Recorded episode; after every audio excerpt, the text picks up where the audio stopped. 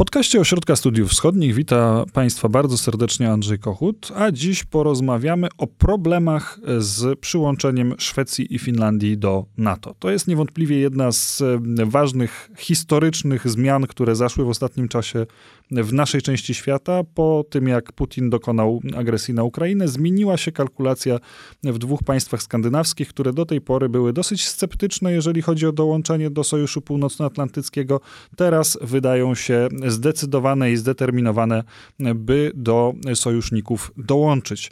Tymczasem na ich drodze pojawiła się bardzo poważna przeszkoda, ponieważ nieoczekiwanie swoje weto zgłosił turecki przywódca, turecki prezydent Recep Tayyip Erdoğan. O tym, dlaczego tak się stało, jakie są tureckie motywacje, na ile poważny jest to opór i na ile poważne jest to weto, porozmawiam z analitykiem Ośrodka Studiów Wschodnich Krzysztofem Strachotą. Witam cię serdecznie. Kłaniam się nisko. To jest podcast Ośrodka Studiów Wschodnich.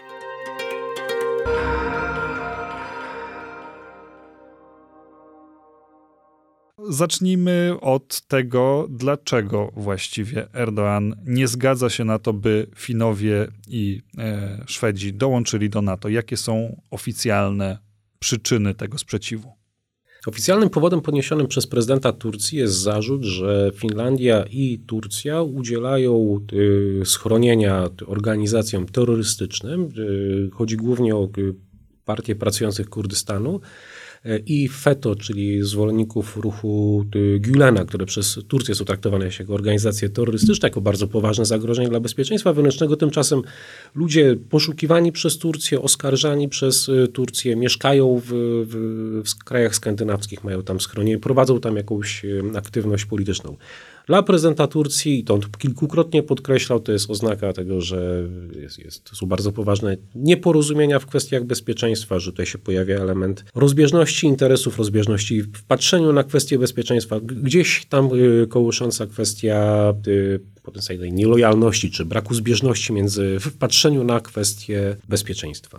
To były takie oficjalne rzeczy, o których Erdogan mówił w piątek 13 maja, które powtórzył y, następnie w, w, w ostatnich dniach dwukrotnie. Niezależnie od tego, że y, turecki MSZ i turecki doradca prezydenta Ibrahim Kalin sygnalizował, że nie oznacza to y, weta, że oznacza to podniesienie kwestii, które powinny być rozwiązane rozwiązane i czy te rozwiązania w przekazie władz tureckich się pojawiają? Jak Turcja wyobrażałaby sobie zrealizowanie, y, czy, czy jakie warunki tak dokładnie stawia Finlandii i Szwecji, żeby tą swoją zgodę na ich dołączenie do NATO przedstawić później?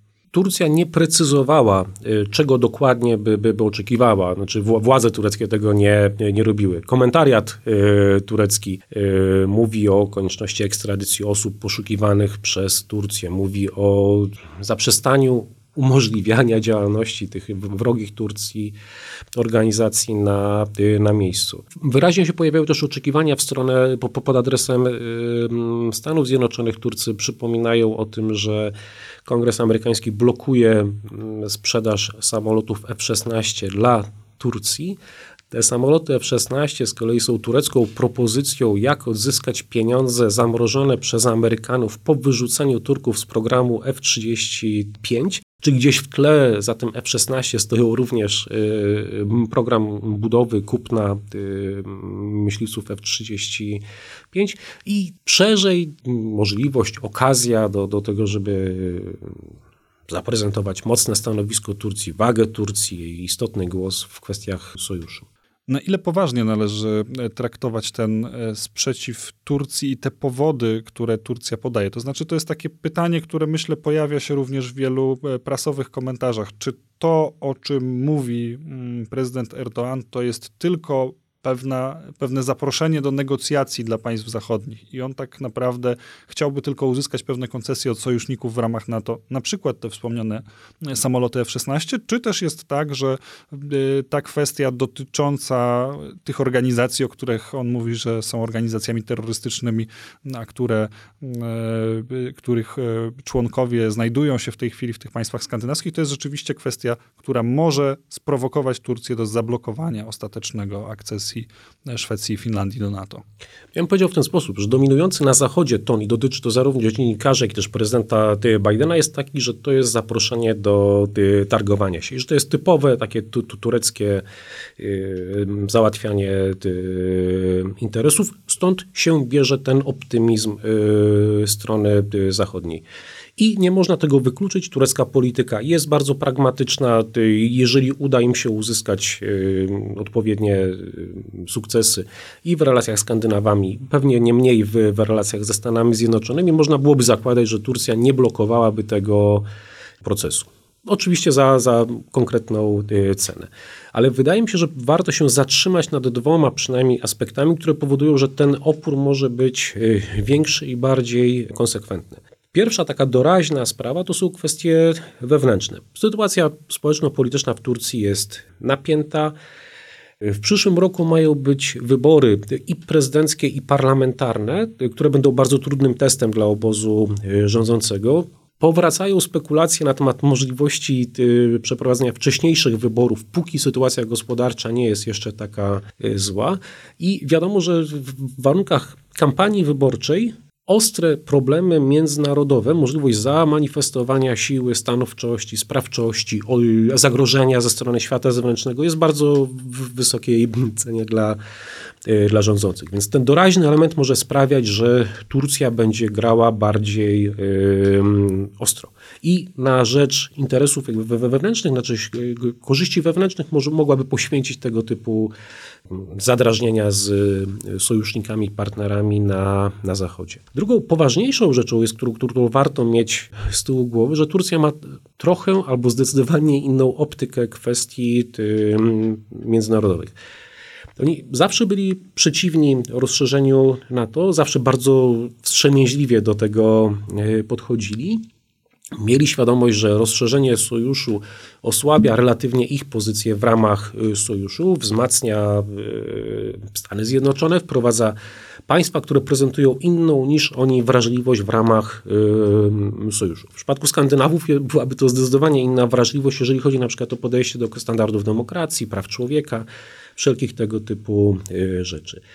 Turcy mają bardzo wstrzemięźliwy stosunek do wzmacniania wschodniej y, flanki, bo to się odbywa kosztem wzmocnienia flanki y, południowej, czyli tej szczególnej roli Turcji, tego zwrócenia NATO na problemy Bliskiego Wschodu i na problemy y, południa. I chyba centrum jakby tych, tych, tego, tej odmiennej patrzenia jakby tureckiego na, na, na świat jest stosunek do Rosji. Turcja z Rosją rywalizuje. Turcja z Rosją ma bardzo duży rekord, że tak powiem, sporów, zadrażnień, konfliktów, napięć. To Turcy zestrzelili turecki y, samolot, to w Turcji został, zginął ambasador y, rosyjski kilka lat temu. To rosyjskie samoloty bombardowały tureckich żołnierzy w, w Syrii, to y, tureckie drony bombardowały rosyjskich ochotników w Libii, więc jest pole napięć. Jest wojna w Karabachu i rywalizacja o, o Kaukaz. I to jest jakby jedna strona obrazu. Z drugiej strony Turcja bardzo wyraźnie z Rosją współpracuje. Turcja Rosji potrzebuje. Dotyczy to y, stabilizowania sytuacji na Bliskim y, Wschodzie, dotyczy to fundamentalnej współpracy gospodarczej, w tym energetycznej. Około połowy gazu, który Turcja importuje, pochodzi z Rosji. I stałość dostaw i cena tych dostaw bezpośrednio wpływa na stabilność wewnętrzną y, państwa. Wreszcie Turcja sama siebie postrzega jako powiedzmy mocarstwo regionalne i myśli w kategoriach balansowania swojego otoczenia, znaczy y, te, tego, żeby nikt nie zdobył nadmiernej przewagi, żeby ze wszystkimi zachować bliskie kontakty, żeby na każdego mieć y, przełożenie. I w tym kontekście ta Rosja jest im y, potrzebna. I wielokrotnie Rosja była wykorzystywana do tego, żeby pokazać coś Zachodowi. Tak wyglądała na przykład sprawa zakupu systemów obrony powietrznej S-400, które Turcja kupiła pomimo bardzo ostrego i powtarzalnego sprzeciwu Stanów Zjednoczonych i pomimo sankcji, które w związku z tym na nią spadły. Na podstawie tych sankcji właśnie została wykluczona z programu F-35. W tym sensie Tur Turcja wydaje się mieć i doraźne, i głębokie powody do tego, żeby hamować, spowalniać, wysoko cenić swoje wsparcie dla ewentualnego rozszerzenia NATO o Finlandię i Szwecję, zademonstrowała kilkukrotnie gotowość do podejmowania decyzji konfrontacyjnych i do konfrontowania się ze swoimi sojusznikami i ze swoimi partnerami. I, i w pewnym sensie jest to wpisane w, w matrycę myślenia politycznego o świecie Turcji. Ten stan, który jest, daje im wystarczająco duże pole manewru. Nie można z niego rezygnować, czy go sobie ograniczać bez bardzo konkretnych rzeczy. A tak jak mówię, wydaje się, że sytuacja wewnętrzna, nastroje społeczne, potrzeba albo brak potrzeby do tego, żeby zaostrzyć y, konflikty z Zachodem, zaostrzyć kwestię kurdyjską, która zawsze jest żywa w kampanii y, wyborczej. Myślę, że będzie takim ostatecznym czynnikiem decydującym o tym, jaka, jaka decyzja będzie podjęta przez Turcję, ewentualnie jak bardzo przedłużać będzie ten mm, proces akcesji Szwecji i Finlandii do, do NATO. Kiedy rozmawialiśmy przed nagraniem tego podcastu, wspominałeś jeszcze o jednej sprawie trochę anegdotycznej, ale przypominającej to, co się dzisiaj dzieje. Sytuacja związana z nominacją Rasmusena na szefa NATO i wówczas również sprzeciw Turcji. Tak, to były raczej takie salonowe jakby sprzeciwy, które warunkowały, czy które miały, gdzie podnoszono zarzuty wobec Rasmusena, wobec Danii, że toleruje y, działalność kurdyjskich y, czyli związanych z PKK y, stacji y, telewizyjnych. I mm, wtedy oczywiście Rasmussen został e, przewodniczącym NATO, ale do y, ograniczenia działalności tych stacji telewizyjnych jak najbardziej doszło. To też jest tak, że dla władzy, władz tureckich, ale i dla znacznej części społeczeństwa tureckiego PKK jest organizacją terrorystyczną. Jest to też organizacja terrorystyczna zgodnie z ustaleniami Unii Europejskiej. Turcy mają w głowie kilkadziesiąt lat bardzo krwawego konfliktu. Właściwie codziennie dochodzi do starć z, z PKK, gdzie giną Kurdowie, ale giną też tureccy żołnierze. To jest żywy konflikt. I tutaj jest naprawdę bardzo głębokie poczucie nielojalności ze strony sojuszników, że pozwalają, tolerują działalność y, PKK y, u siebie. Oczywiście z perspektywy europejskiej wygląda to troszeczkę inaczej. To nie jest tolerowanie PKK, tylko ludzi, którzy mają jakieś tam sympatie, pokrywające się częściowo z, z PKK, do czego mają prawo w demokratycznym y, państwie. Zachód co do zasady postrzega Turcję jako państwo niedemokratyczne, czy nie stosujące się do standardów y, prawa, czy prześladujące swoich przeciwników y, politycznych. To jest przeszkodą z kolei, żeby wydalać jakby tych, tych ludzi, wydalać opozycjonistów do, do samej Turcji. Dodatkowo oprócz Kurdów dochodzi sprawa ruchu Gülena, bardzo takiej specyficznej organizacji, no, ruchu jakby działającego w Turcji, ale też na całym świecie od kilkudziesięciu y, lat. Bardzo aktywnego na przykład w sferze edukacyjnej. Mają swój również uniwersytet w, w Warszawie, szkołę wyższą którzy byli bardzo blisko AKP, byli częścią jakby obozu rządzącego akapowskiego w, w, kilkanaście lat temu, ale doszło między nimi do konfliktu i oni są oskarżani przez władze tureckie o przygotowywanie nieudanego puczu w 2016 y, roku. I jako tacy byli poddani masowym represjom. I członkowie tego ruchu, i osoby związane z tym ruchem, uczące się w szkołach y, gilanowskich, czy przechodzących przez ich y, kursy. Przywódca tego ruchu, Fethullah Gülen, mieszka w Stanach Zjednoczonych. I znowu dla Turcji jest to dowód, mocniej nawet niż poszlaka, że Stany Zjednoczone ochraniają człowieka, który chciał zrobić przewrót w Turcji przeciwko demokratycznie wybranym władzom y, tureckim że to jest kolejny jakby dowód, że Amerykanie, sojusznicy gdzieś tam manipulują głębokim państwem, czyli nieformalnymi strukturami, które w Turcji były, są i zapewne jakby będą, do tego, żeby wpływać na proces yy, polityczny. Czyli znowu to jest sprawa fundamentalnie poważna. Dla amerykańskiej opinii publicznej prześladowanie osób przy bardzo dyskusyjnych zarzutach przez dyspozycyjne sądy e, w atmosferze odległej od standardów liberalnej demokracji jest znowu barierą nie do przejścia. Więc tutaj mamy zderzenie dwóch e, pryncypializmów, e, że tak powiem, ale po tureckiej stronie na pewno on dotyczy rzeczy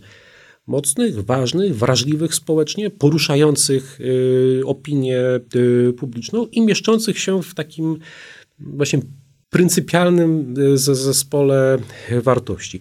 I na podsycającym coś, co w Turcji jest bardzo mocne. Turcja jest państwem oczywiście związanym z Zachodem, jakoś tam zorientowanym na Zachód, na swój sposób jakby zachodnim, ale jednocześnie państwem, którym jest bardzo silny antyzachodni resentyment w którym stale pojawia się kwestia zarzutu o hipokryzję Zachodu, stosowanie podwójnych standardów wobec Turcji i wobec y, samych siebie. Więc jest to rzecz y, żywa, jest to rzecz jakby dwu, dwuznaczna, która, y, która ma swoje znaczenie polityczne i jakoś tam współtworzy tą dynamikę polityczną w, w Turcji. I każe dosyć poważnie mimo wszystko traktować to weto, którym straszy prezydent Erdoğan, nie tylko jako element jakiejś strategii negocjacyjnej, ale też jako element e, większej e, społeczno-politycznej kwestii w samej Turcji.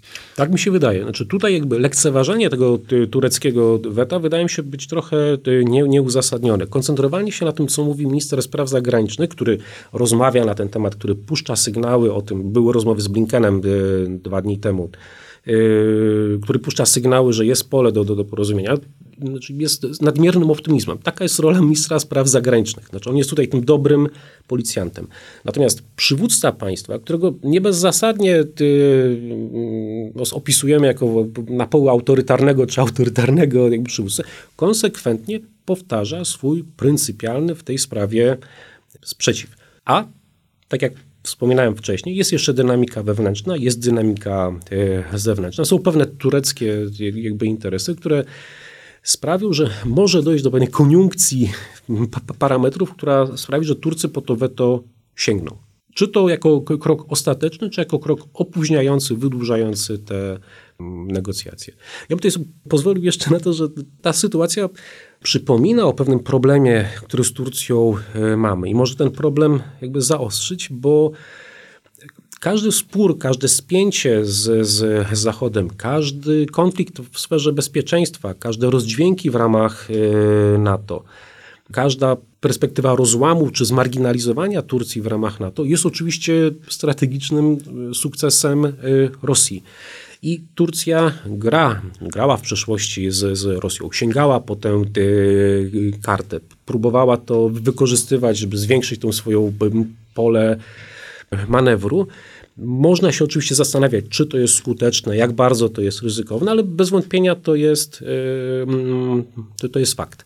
Napięcia z Turcją, między Turcją a, a sojusznikami, czy między Turcją a Stanami Zjednoczonymi w sposób jakby nieuchronny będą pchały Turcję do, do wygrywania karty e, rosyjskiej. A przypomnę, Rosja jest ważnym partnerem dla Turcji. Rosja ma cały szereg niekorzystnych dla Turcji jakby zachowań, ale jako państwo, jako partner jest, powiedziałbym, niezbywalny.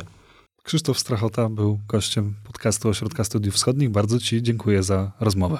A Państwa serdecznie zachęcam do śledzenia naszego podcastu, do śledzenia również naszego kanału na YouTube, no i oczywiście do częstego zaglądania na stronę Ośrodka Studiów Wschodnich. Na dziś to wszystko. Bardzo dziękuję za uwagę i do usłyszenia.